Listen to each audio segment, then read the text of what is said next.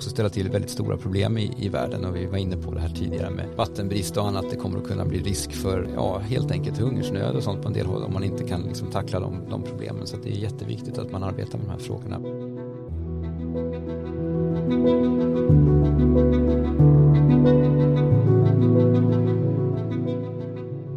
Att vi ska lyssna på klimatforskarna, det får vi ofta höra i samhällsdebatten. Men vad är det egentligen som de säger? Det ska vi försöka ta reda på i SMHI-poddens avsnittsserie Klimatforskarna. För att på SMHI så finns en av Sveriges största forskningsgrupper inom klimatvetenskap. Och några av de forskarna ska gästa oss i den här podden och berätta om hur världen förändras och vad vi kan göra åt det.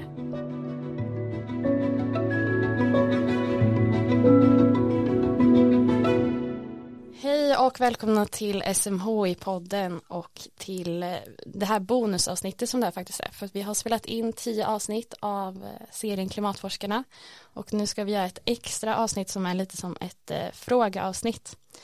Och du som lyssnar kommer att lyssna på mig, Olivia Larsson, som jobbar som kommunikatör här på SMHI och på Erik Källström som är professor i klimatologi här på SMHI och eh, medlem i det klimatpolitiska rådet.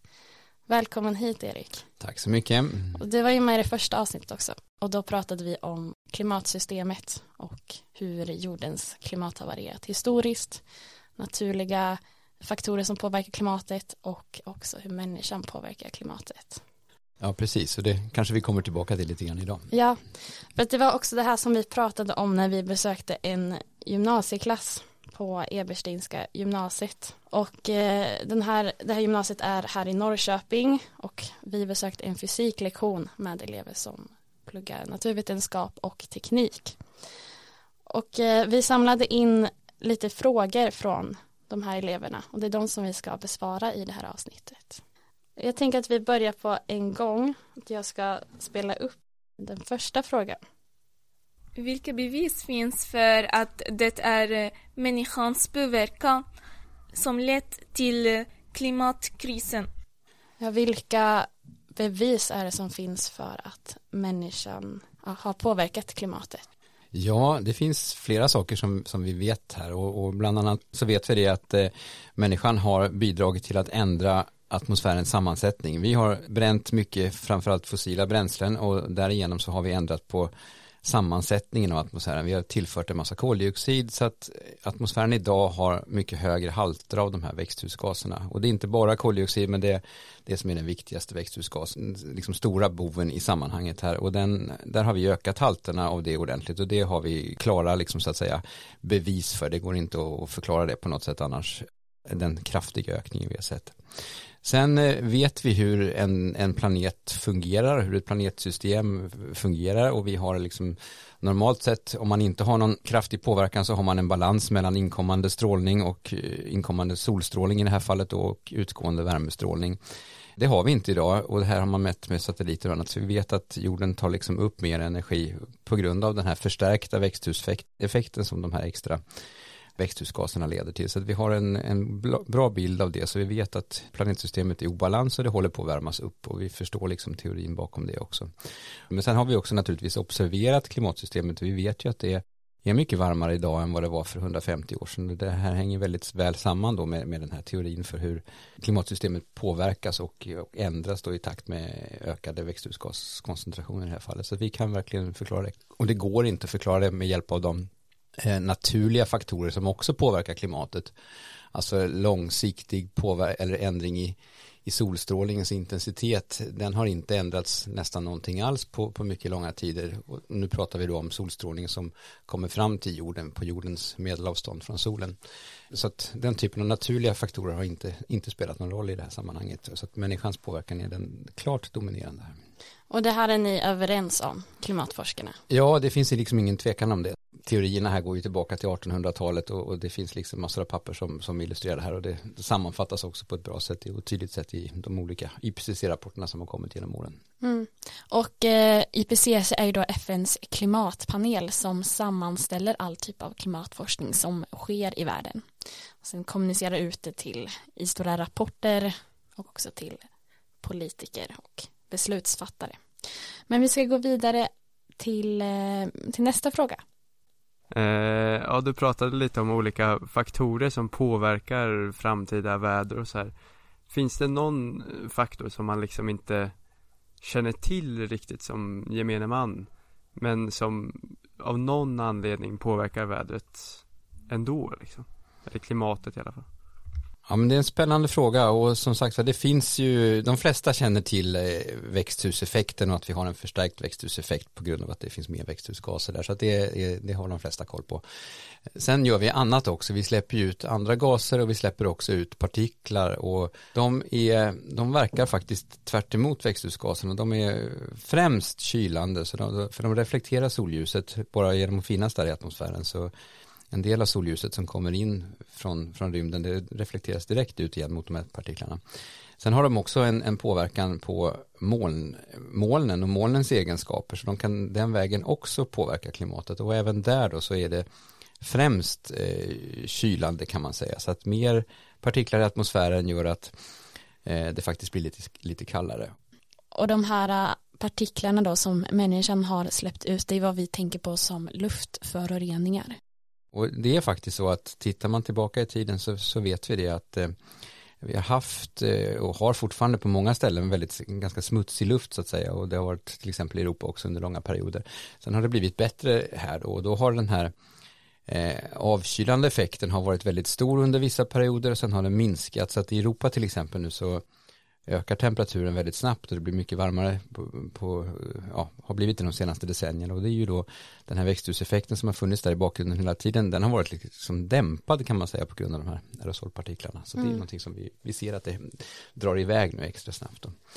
Så det, det, är väl de sakerna. Sen finns det andra saker också. Det finns till exempel som vi påverkar ju marken också. Vi, vi hugger ner skog och vi bygger städer och vi ändrar markytans egenskaper och det har också en påverkan på klimatet. Så det är flera olika saker som är, är viktiga här. Mm. Och just det här med partiklarna i atmosfären, att de kunde maskera uppvärmningen, liksom våra föroreningar från industrier och sånt, att det har maskerat uppvärmningen som vi också har bidragit till. Det här tyckte ju speciellt teknikeleverna var väldigt intressant och var då inne på kan man inte liksom fixa klimatet då genom att eh, ta upp mer partiklar. Vi har en fråga om det. Vad är det för partiklar man hade skickat upp i atmosfären i så fall om man För du pratar om sulfatpartiklar men de är väl så bra för miljön? Här pratar vi om ett hypotetiskt läge vi kommer in lite på den diskussionen. Skulle man kunna fixa klimatet genom att skjuta upp med föroreningar och sånt? Ja, det finns faktiskt sådana tankar och idéer och, och det man framförallt har tänkt på är att försöka efterlikna de stora vulkanutbrotten som man har ibland. Vi hade ett på i Filippinerna på, eh, eh, det var en vulkan som hette Pinatubo, den hade en stor, ett stort, jättestort utbrott i början på 1990-talet, 1991 tror jag det var. Eh, och då spydde den ut massa eh, aska och annat, men också svavel och svaveldioxid. Och den här kom så långt upp i atmosfären, så den kom ända upp i, i det vi kallar för stratosfären. Och där bildades det massor av små sulfatpartiklar som då faktiskt eh, reflekterade solljuset tillbaka ut mot rymden. Och, då såg vi i den globala medeltemperaturen att ett, ett och två år efter det där så var den lägre än vad den borde ha varit utan de där partiklarna. Så att rent hypotetiskt eller teoretiskt kan man ju tänka sig då att man skulle göra någonting liknande, att man skulle använda någon slags flygplan eller skicka upp raketer eller, eller någonting för att släppa ut till exempel då svaveldioxid och generera sådana här partiklar uppe i stratosfären. Och då skymma solljuset eh, och på så sätt hålla nere temperaturen nere vid markytan. Så att det skulle kunna finnas en möjlighet att göra det och det här brukar man prata om som då eh, geoengineering på engelska eller ja, man, man modifierar liksom, försöker modifiera klimatet genom olika artificiella åtgärder. Då. Så det är väl möjligt att göra men det som, som han frågade här på gymnasiet killarna, han sa ju att en del av de här partiklarna är ju inte hälsosamma naturligtvis och det är ju det är ju inte bra på det sättet. Sen har man räknat på det där lite grann, skulle man göra det, det skulle behövas väldigt stora mängder svavel till exempel, men fortfarande är det så att det är så pass lite så att det skulle till exempel inte påverka försurningen i havet eller något sånt där när de där trillar ner, för att de trillar ju ner. Det eh, skulle inte påverka försurning? Nej, inte, inte i någon större utsträckning faktiskt, för att mm. det är ändå så pass, förhållandevis så pass lite. Försurningen i haven påverkas definitivt mer av den koldioxiden vi släpper ut för haven håller på att bli ordentligt surare och det är ett jättestort mm. problem då. Och, men det är också det, där kommer vi tillbaka till det här att det här en sån här artificiell då, avkylning genom att släppa ut massa sulfat i, i eller svavel i, i stratosfären det skulle ju inte komma till bukt med liksom grundproblemet att vi har för mycket koldioxid i atmosfären för haven blir surare på grund av koldioxiden och det problemet finns kvar där precis på samma sätt ändå. Precis, koldioxiden är kvar där, sulfatpartiklarna skulle bara reflektera bort solljuset. Så man skulle också behöva fylla på det hela tiden för koldioxiden är ju där jättelänge. Ja, precis. Koldioxiden kommer som vi har släppt ut nu, den kommer att stanna i, i, liksom i det här aktiva delen av systemet, atmosfären och eh, vegetation och ythav och sånt under många, många århundraden eller årtusenden till exempel. Så den, den förhöjningen vi har gjort, bidragit till som människan har gjort, den kommer att märkas under väldigt, väldigt långa tidsskalor framöver. Eh, tittar man på ett sånt där vulkanutbrott som jag sa nyss då så, så kunde det skyla eller reflektera solstrålning kanske ett eller två år eller någonting sådär. Och det talar någonting om de här tidsskalorna då. Precis som du säger, ska, skulle man då försöka att jobba med det som ett sätt för att verkligen bromsa och lindra klimateffekterna på långa tidsskalor så måste man ju då fylla på då med sådana här partiklar under århundraden, årtusenden. Så att varje eller vartannat år så måste man ju då skicka upp nya flygplan, raketer och så vidare och, släppa ut nya partiklar. Så att det är ju ett väldigt åtagande som man måste göra. Mm. Och sen finns det massa andra saker som vi inte riktigt vet här. Det här på, påverkan på väder och sånt är lite olika. Så att man kanske till exempel har, vi har, man har räknat på det med klimatmodeller och sånt och ser att en sån avkylning skulle till exempel då kunna påverka negativt eh, till ja, nederbörd på en del ställen. Man skulle kanske minska monsunregnen över eh, södra Asien och över delar av Afrika och sånt. Och då börjar man ju påverka människor olika på olika ställen på jorden och det ju, finns ju väldigt mycket frågor i samband med det där och inte minst då liksom etiska frågeställningar som man måste fundera väldigt noga på innan man kan börja mm. tänka på de där grejerna, tycker jag i alla fall. Ja, och så kanske inte himlen blir blå längre. Men det är kanske inte lika viktigt som att folk inte får monsun. Ja, men det är ju en, det är en, det är en aspekt i det också.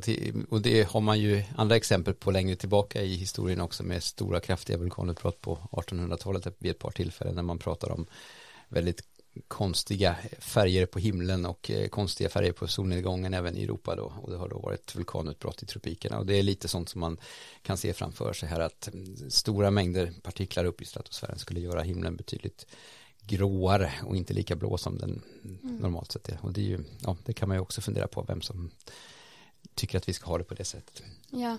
Och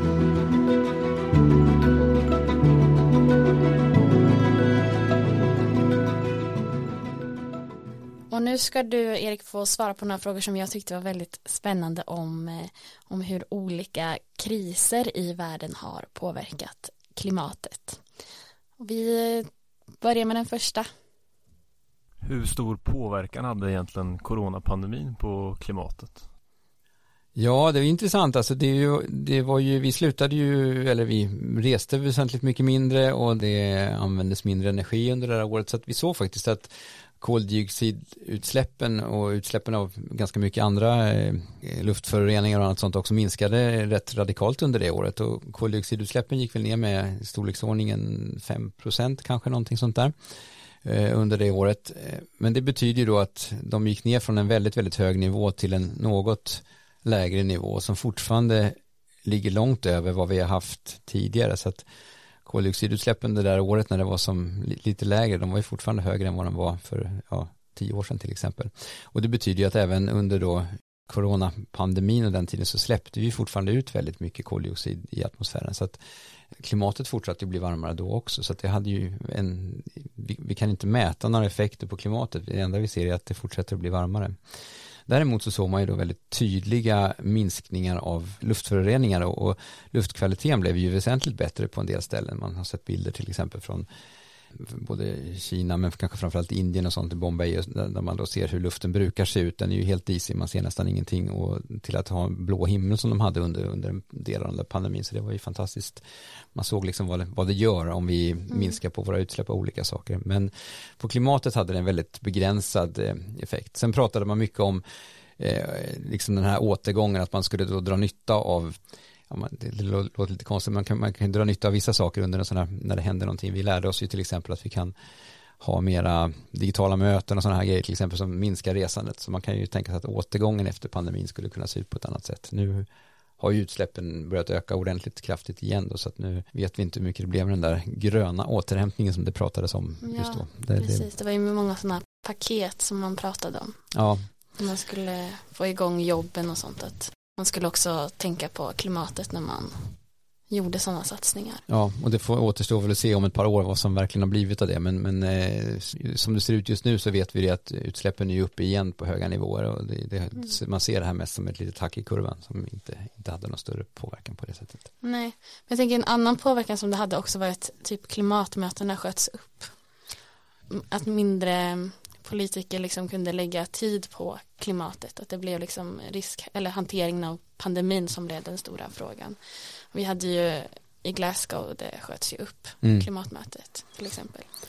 Ja, nej men det är självklart så att eh, för, för det är, när det kommer andra stora saker och frågor på bordet så, så är det risk att det, klimatarbetet pausar och bromsar lite grann av, av sådana anledningar och det är, ju, det är ju inte bra i det här läget när vi måste jobba med det också naturligtvis. Mm. Tror att vi har en liknande fråga faktiskt. Hur tror du kriget i Ukraina har påverkat klimatet? Jag menar kriget har ju sina naturligtvis direkta fruktansvärda konsekvenser i, i Ukraina och för alla som är inblandade och drabbas av det. Men återigen där då så tar det ju också, sätter det ju världens eh, fokus så att säga på det. Vi jobbar jättemycket med att försöka hjälpa till på olika sätt och vis och det finns ju en risk här att då länder som inte kan göra satsningar och sånt som man hade velat på eh, ja, klimatförbättrande åtgärder och annat. Och det har ju också i samband med kriget så är det ju också ett eh, man kan kalla det för ett energikrig också. Och det, det finns ju också liksom stora problem där med tillgång till energi och sånt också. Men, men det är klart att så, så det har ju en det har ju en stor stora konsekvenser direkt. Sen kan man ju se det som att i, i västvärlden så pratar man mycket om det, man ska försöka göra sig mer oberoende av den ryska fossila energin till exempel. Så det kan ju också ha på sikt positiva effekter på klimatet om man nu liksom snabbt går över till mer förnyelsebar energi och satsar mer på, på vind och sol framförallt som ju är, är förnybart helt och hållet. Då, så då, mm. då kan man ju kanske möjligen komma ifrån det. Så det, det, kan ju på det sättet möjligen ha någon slags positiva effekter. Men jag tror att de här negativa effekterna på, som är då på att man fokusera mindre och det kan satsas mindre pengar på, på saker och ting just nu. Då. Det är väl det största problemet i det här sammanhanget. Då. Ja, om man ser på energin i Europa, man har ju alltså varit beroende av rysk eh, fossil energi.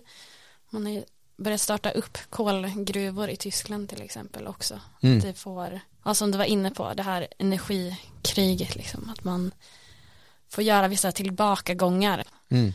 Ja precis. Och det är ju också risken med när man gör sådana saker då att man öppnar upp det. Då har man ju liksom då, då har man ju byggt och man bygger någon slags infrastruktur kring det där. Och sen då har man ju satsat pengar på det. Och det, så det kan ju vara svårare att, så att, säga, att avveckla det om 5-10 år också för det är relativt nytt. Man brukar prata om inlåsningseffekter, man, man bygger ett system och man sätter upp det och sen kör man på och då, då blir det kvar ganska länge så det är också viktigt att försöka att, uh, minska det, den typen av aktiviteter så mycket, så mycket som möjligt och det är väl också därför det har varit så stora protester nu i Tyskland kring, mm. kring just detta.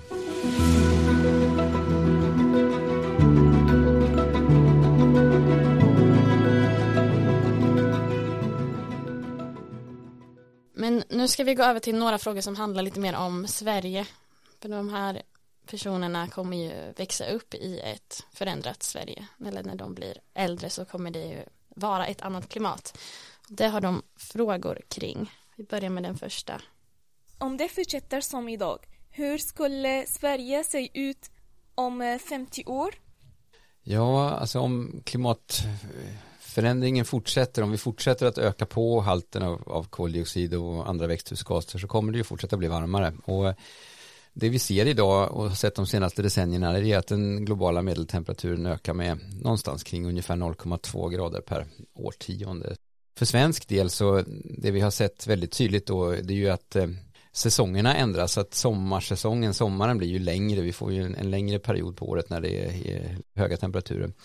Och eh, på motsvarande sätt så minskar ju vintersäsongen. Vi har till exempel idag då jämfört med för ett par decennier sedan flera veckor kortare snösäsong i stora delar av landet, nästan hela landet, utom allra längst upp i norr. Om ett par decennier och uppemot 50 år framåt i tiden så kommer det att fortsätta naturligtvis. Vi kommer att se fortsatt förskjutning i säsongerna, vi kommer att se ett varmare klimat, så att även under sommaren så kommer det naturligtvis att bli varmare och mer sannolikt att eh, vi ser kanske kraftiga värmeböljor till exempel på vintrarna så kommer vi att se eh, mildare klimat, mindre snö på marken under långa perioder. Det kommer att finnas snö naturligtvis i stora delar av landet, särskilt i norr, men det kommer att bli vanligare med smältperioder och inslag av regn till exempel, även upp, långt upp i Norrland, som man kanske inte är riktigt lika van vid idag. Så vi kommer att se en fortsatta förändringar och mer av samma kan man säga av det som vi har sett.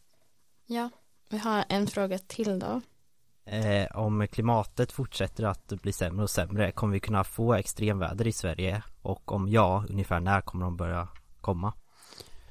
Ja, det, för det är det som är lite svårt när man pratar om så extremväder, att vad som är extremt i Sverige är ju faktiskt extremt för oss och till exempel den här sommaren 2018 var ju en extrem sommar med en värmebölja som heter ett extremväder. När vi har skyfall är det också extremväder, även om inte våra skyfall är lika stora som i tropikerna till exempel.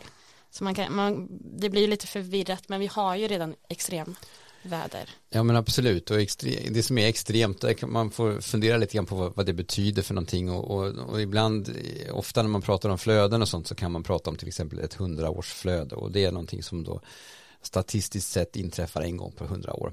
Så det är ju någonting som är väldigt ovanligt och då kan man ju se det som att det där är en extrem händelse. Mm. Då, och då vet vi det att en, en del sådana här extremer då förväntar vi oss att det kommer att fortsätta ändras och kommer fortsätta ändras i framtiden också. Så att det som kanske har varit ett hundraårsflöde förr i tiden kanske kommer inträffa dubbelt så ofta och bli som ett 50-årsflöde till exempel eller kanske ännu mer ofta bli ett 20-årsflöde i framtiden så det betyder att någonting som har varit väldigt, väldigt ovanligt, nästan aldrig inträffat, kommer inträffa lite mer då och då och kanske i ytterligare varmare klimat så ser man värmeböljor och annat som kommer att kunna bli väldigt vanliga händelser faktiskt i, ett, i en väsentligt varmare värld jämfört med tidigare. Så där ser man ju väldigt stora skillnader. Men som du säger, och, alltså, vi har ju redan idag extremväder men vi kan förvänta oss att vissa typer av extremer och det handlar om värmeböljor och höga temperaturer, det handlar också om skyfall, men det handlar också om torka. Det är sånt som vi ser kommer att kunna bli vanligare och mer så att säga intensivt och kanske besvärligt. Mm. Och då tar vi en till fråga. Eh, vi pratar om förhöjda havsytor eh, och eh, min fråga är då när kommer vi märka stora förändringar i vårt samhälle? Ja, alltså havsnivå, jag kan ju hoppa in direkt här. Han, mm. alltså han, han, jag skulle säga att havsnivåförändringarna är ju redan märkbara och de, de syns ju redan. Sen är det så att Sverige, vi har ju fortfarande en ganska stor landhöjning i Sverige, särskilt i norra delarna av landet och ni var inne på det i något av de tidigare mm. avsnitten här också. Det sjätte avsnittet tror jag om havet. Just det, precis. Och då var det ju min kollega Magnus som pratade om det där en del. Och, alltså norra Sverige Eh, och egentligen ända ner, kanske hit någonstans till trakten mm, av Norrköping. Det, så, gränsen var vid Norrköping. Ja, typ. ungefär så. Så att norr om, om oss här då kan man säga i Norrköping och tvärs över mot västkusten så är det faktiskt en landhöjning som är fortfarande så stor att den är lika stor eller större än den globala havsnivåhöjningen som vi har just nu då. Mm. Och landhöjning är alltså för att vi hade en tjock is här förut Precis. som har smält bort. Ja. Så landet höjs fortfarande, även om det var länge sedan. Precis, och det talar ju någonting om de här långa, långa tidsskalorna som, som finns och den kommer att fortsätta och den landhöjningen kommer att fortsätta liksom inom överskådlig framtid också så vi kommer mm. fortsätta mm. ha det på det sättet. Men eh, den globala havsnivåhöjningen har ökat och den är ökande så att vi får väl se eh, exakt hur långt det kommer där men man kan ju säga redan nu då så att för de sydligaste delarna av landet, så att söder om oss här till exempel i Norrköping då, ner mot, och, ja, ner mot Skåne till exempel, där, där har ju redan havsnivåhöjningen blivit märkbar och den påverkar ju då till exempel stränder och annat, man kan se ökad, ökad grad av erosion och, mm. så att, och den typen av förändring, den ser vi och den kommer att fortsätta och vi vet att havsnivåhöjningen fortsätter och så att den här linjen i Sverige där vi har då landhöjning som, som fortfarande leder racet om man uttrycker sig så, den, mm. den kommer gradvis att förskjutas norröver i takt med att havsnivåhöjningen ökar och sen får vi se hur länge den ökar och exakt hur mycket det vet vi inte men att havsnivån kommer att fortsätta att stiga under väldigt, väldigt lång tid framöver det är vi helt ja, säkra på att det kommer att vara så. Det, mm. det hänger samman med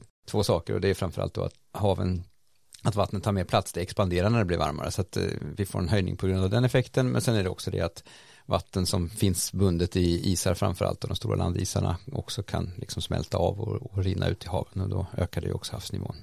Så stigande havsnivå det kommer vi ha framöver men eh, hur ser det då ut med jordbruket kan man ju undra. Hur kan vi behålla jordbru eh, jordbruks produktion samtidigt som temperaturen ökar. Hur skulle detta påverka samhället? Ekonomiska utmaningar, kulturella utmaningar som skulle kunna uppstå. Ja, ska vi börja ur ett svenskt perspektiv? Det som du var inne på förut, säsongerna, sommaren kan bli längre, odlingssäsongen kan också bli längre då.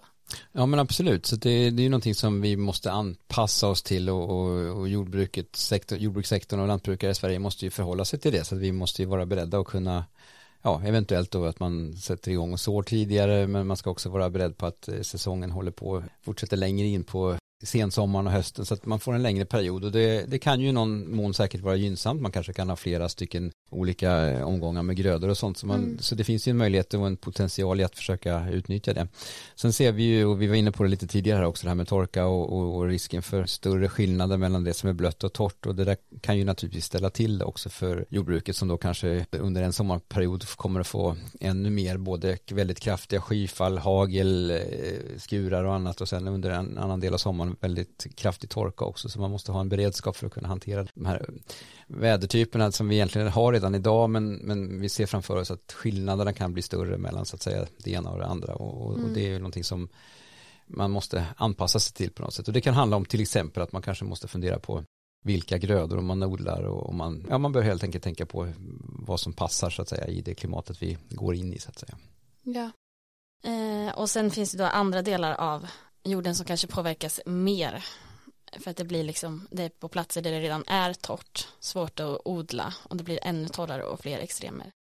Och just det här med torka och brist på vatten det är väl liksom ett av de kanske absolut allra största problemen med, med klimatförändringen. Vi har ju redan liksom idag ett väldigt, väldigt stort antal människor som lever i någon slags torka, åtminstone under delar av året, eller med mm. i vattenbrist på något sätt. Och det beror ju inte bara på klimatet, det beror på klimat och väder på ena sidan, men det beror ju naturligtvis också på hur samhällena är organiserade och hur man vad man har för vatten, möjligheter att hämta vatten från olika ställen och sånt. Men, men det är ett jättestort problem redan idag. Det är massor av människor. Det, det här handlar om miljardtals människor som har olika, ja, problem med vattentillgång. Så det, det, är väldigt, väldigt stora siffror. Och som du säger då ska alla de här människorna i de områdena också då kunna producera sitt livsmedel och odla sina grödor och går man in i torrare förhållanden kanske ännu varmare för vissa grödor kommer det här inte funka. Mm. Andra grödor är mindre känsliga men sen är det också, alltså det, det är många olika saker som händer här och även på global skala så måste man ju också anpassa sig till de ändrade möjligheterna ja. att odla och sånt. Men man kan ju också fundera på vad man odlar för någonting och liksom hur det påverkar klimatet också. Att man på något sätt försöker maximera uttaget av, av det som man behöver. Eh, vad man odlar och vad man ja, använder man, marken till. Exakt. så att man ju använder den till det smartaste möjliga på något sätt. Så man inte sätter en massa resurser och jordbruksmark till att producera saker som vi kanske skulle kunna klara oss utan eller att mm. vi som inte är det mest optimala. Man odlar jättemycket bomull till exempel. För till exempel, ja. ja. Kläder som vi också slänger efter vi har använt dem här i västvärlden. Eller liksom som man knappt använder ibland som hamnar på soptippar. Och det har gått åt jättemycket vatten för att mm. odla alla de, all bomull som har använts till exempel.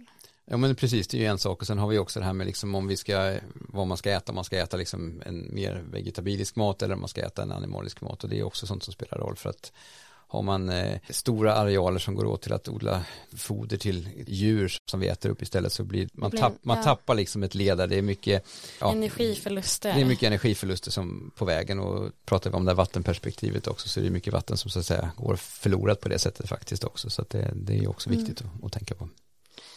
Precis, för djuret måste ju äta och sen gör den av med energi och så äter vi det sen istället ja. för att äta det som den åt. Exakt. Så det får man, ja, det kan man fundera på också.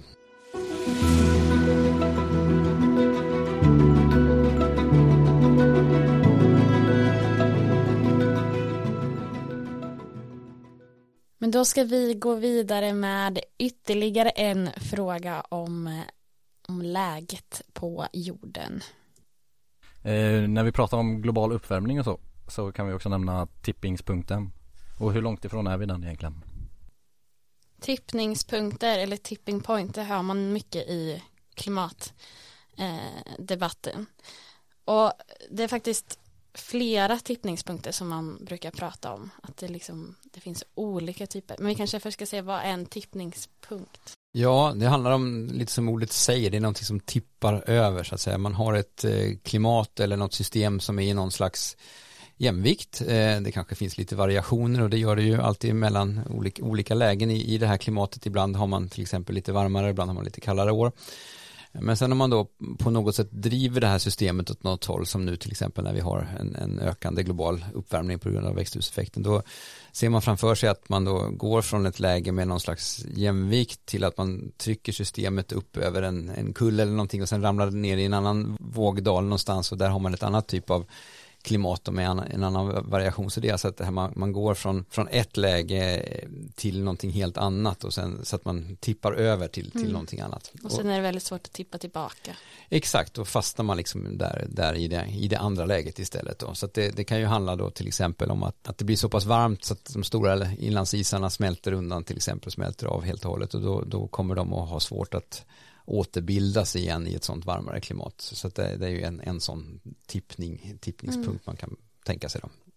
Och hur långt är vi, är det någon sån här tippningspunkt som vi redan har gått förbi? Ja, det, det, vet man inte riktigt. Det finns som sagt det finns ganska många olika, men de som kanske ligger, några av dem som ligger lite närmare då, med, med, det finns ju ganska stora osäkerhetsintervaller om man tittar på liksom graden av global uppvärmning, men de vi, där vi kanske är närmast och vi är nere och naggar på det här osäkerhetsintervallet och så handlar det till exempel om de faktiskt stora inlandsisarna på Grönland men också delar av, av västantarktis. Och där är det så att när temperaturen, den globala medeltemperaturen har ökat tillräckligt mycket så kommer man att komma i ett sånt läge att de kommer att så att säga fortsätta att smälta av och smält, smälta undan om inte helt så i alla fall i väldigt stor utsträckning. Och, och, och där är vi liksom så att säga i närheten av, av de intervallen man mm. nu tittar på nyare forskningsartiklar som försöker sammanfatta kunskapsläget på det här ordentligt. Men det kan också vara så att vi har ytterligare en, en eller två grader eller någonting sådär på oss innan, innan man hamnar där. Så det är väldigt stor osäkerhet, vi vet inte det. Men det finns som sagt en, en risk för att vi redan är, är, där ungefär kan man säga. Och det är naturligtvis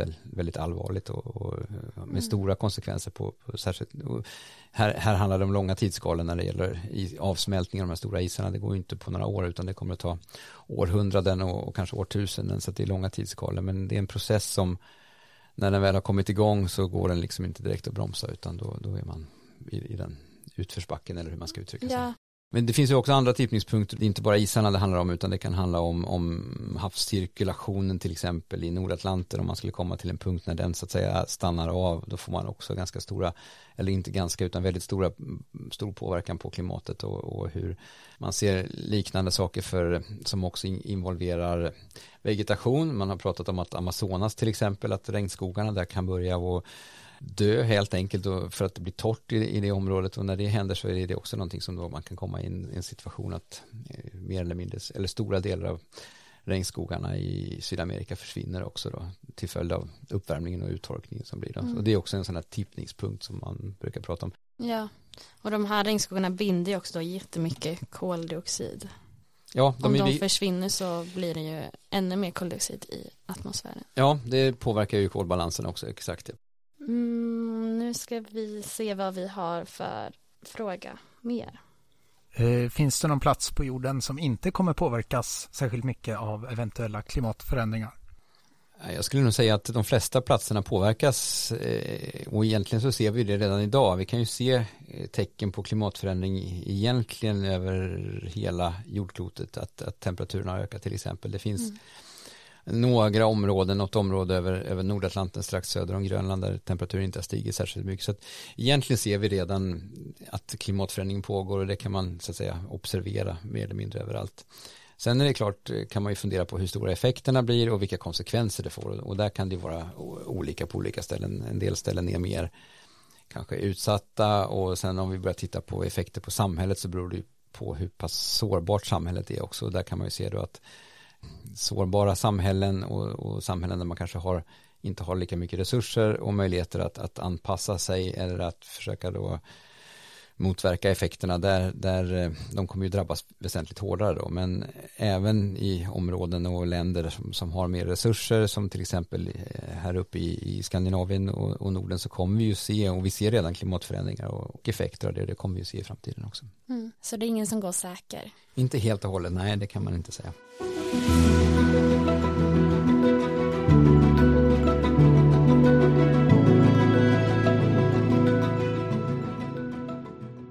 Eftersom sist du var med så var du inte medlem i klimatpolitiska rådet. Vi kanske ska säga någonting om det först. Mm. Det är ju ett, eh, ett råd som granskar regeringens klimatpolitik och ska kolla om det når Parisavtalet, att man följer Parisavtalet. Ja, vi ska kolla att det når de svenska klimatmålen kan man säga egentligen. Okay. Vi, alltså, följer de Parisavtalet? De svenska klimatmålen? Det syftar till det i alla fall. Så att vi ska, mm. Mm.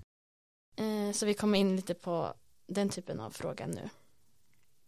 Eh, tror du att om politikerna börjar ta större ansvar för miljön att resten av befolkningen skulle följa efter?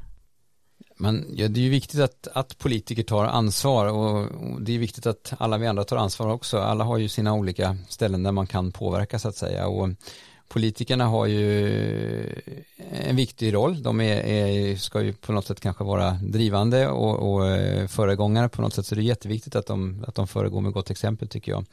Det finns ju mål och det finns ju lagstiftning i, i Sverige också. Vi har ju mål som vi, som vi ska följa och det gäller ju att politikerna jobbar för att vi verkligen ska nå dit. Så det är en jätteviktig uppgift de, de har att förhålla sig till, till det helt enkelt som man har beslutat i, i riksdagen. Så det tycker jag är jätteviktigt. Mm. Nu är vi framme vid den sista frågan av den här gymnasieklassens frågor. Är det kört eller? Ja, ibland undrar man. Nej, men det, det är ju klart att det inte är kört och det är jätteviktigt att prata om det för det är viktigt man vet att det finns eh, det finns saker vi kan göra. Vi behöver göra mycket för att klimatförändringen den, den pågår. Den har mestadels negativa effekter och det, det på, på det liksom globala planet och för många samhällen så att vi, vi behöver verkligen bromsa utvecklingen.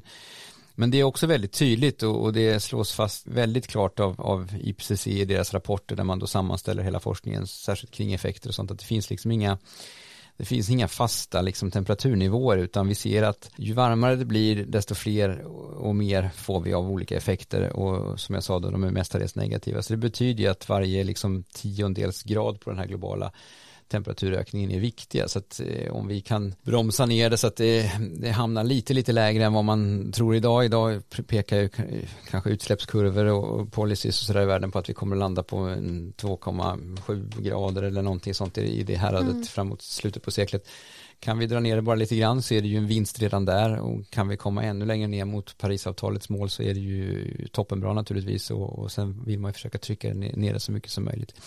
Så det är absolut inte kört, men, men det är viktigt att man inser att det är bråttom och att det behövs göras väldigt, väldigt mycket för att kunna bryta den här utvecklingen. Mm. Och det beror på vad man menar med kört också.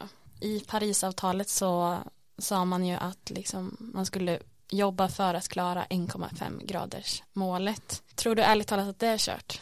Jag tror att det blir, det, det blir väldigt svårt att, att, nå det. Vi har liksom, man kan ju räkna på det här, alltså hur mycket extra koldioxid vi får släppa ut så att säga för att vi, vi ska klara att hålla oss under en viss temperaturnivå. Och det är inte så många års utsläpp kvar med dagens nivåer innan vi så att säga har fyllt upp den kvoten. Så att det är frågan om cirka ett decennium här eller någonting sånt. Sen, sen måste, eller egentligen ännu mindre än det och, och sen måste utsläppen radikalt ner mot eh, noll väldigt snabbt liksom för att klara det. Så det, det ser väldigt osannolikt ut att vi ska kunna klara så att säga hålla oss under den nivån. Sen kan man ju tänka sig att man på sikt då släpper ut mer men sen att man på sikt kommer på idéer och tankar hur man ska kunna plocka bort koldioxid, eventuellt minska temperaturerna igen, på, eller minska halten i atmosfären och på det mm. sättet bromsa utvecklingen också. Men, men det ligger, ligger liksom längre bort. Men, men, det är inte kört för att man ska kunna ha en framtid om man är ung nu? Nej men absolut inte, men däremot så ska man säkert vara inställd på att den framtiden när det gäller just klimatet så kommer det att se annorlunda ut. Det är ingen av oss som lever idag som kommer att uppleva ett sånt klimat som vi har upplevt så att säga, därför att det klimatet är ju förändring och det som vi kommer att se här närmaste decenniet och decennierna det kommer att vara en värld som är varmare än den världen som vi precis har sett det senaste decenniet och decennierna. Så det, det får vi ha klart för oss att så, så kommer det vara. Mm. Och det kommer att ställa krav på klimatanpassning så att man måste tänka på hur samhällena ska kunna klimatanpassa sig. Det kommer också ställa till väldigt stora problem i, i världen och vi var inne på det här tidigare med vattenbrist och annat, det kommer att kunna bli risk för eh, ja, helt enkelt hungersnöd och sånt på en del håll om man inte kan liksom tackla de, de problemen. Så det är jätteviktigt att man arbetar med de här frågorna på, på det globala perspektivet.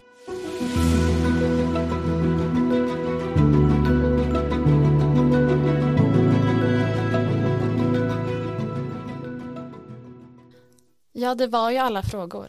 Ja. Det var bra frågor, de spann över stor, många olika områden, både från hur klimatsystemet funkar och funkar på väldigt långa tidsskalor till det lite närmare perspektivet och sen också med en del om konsekvenser och sånt också. Mm, det, var, det var kul att veta vad de ville veta.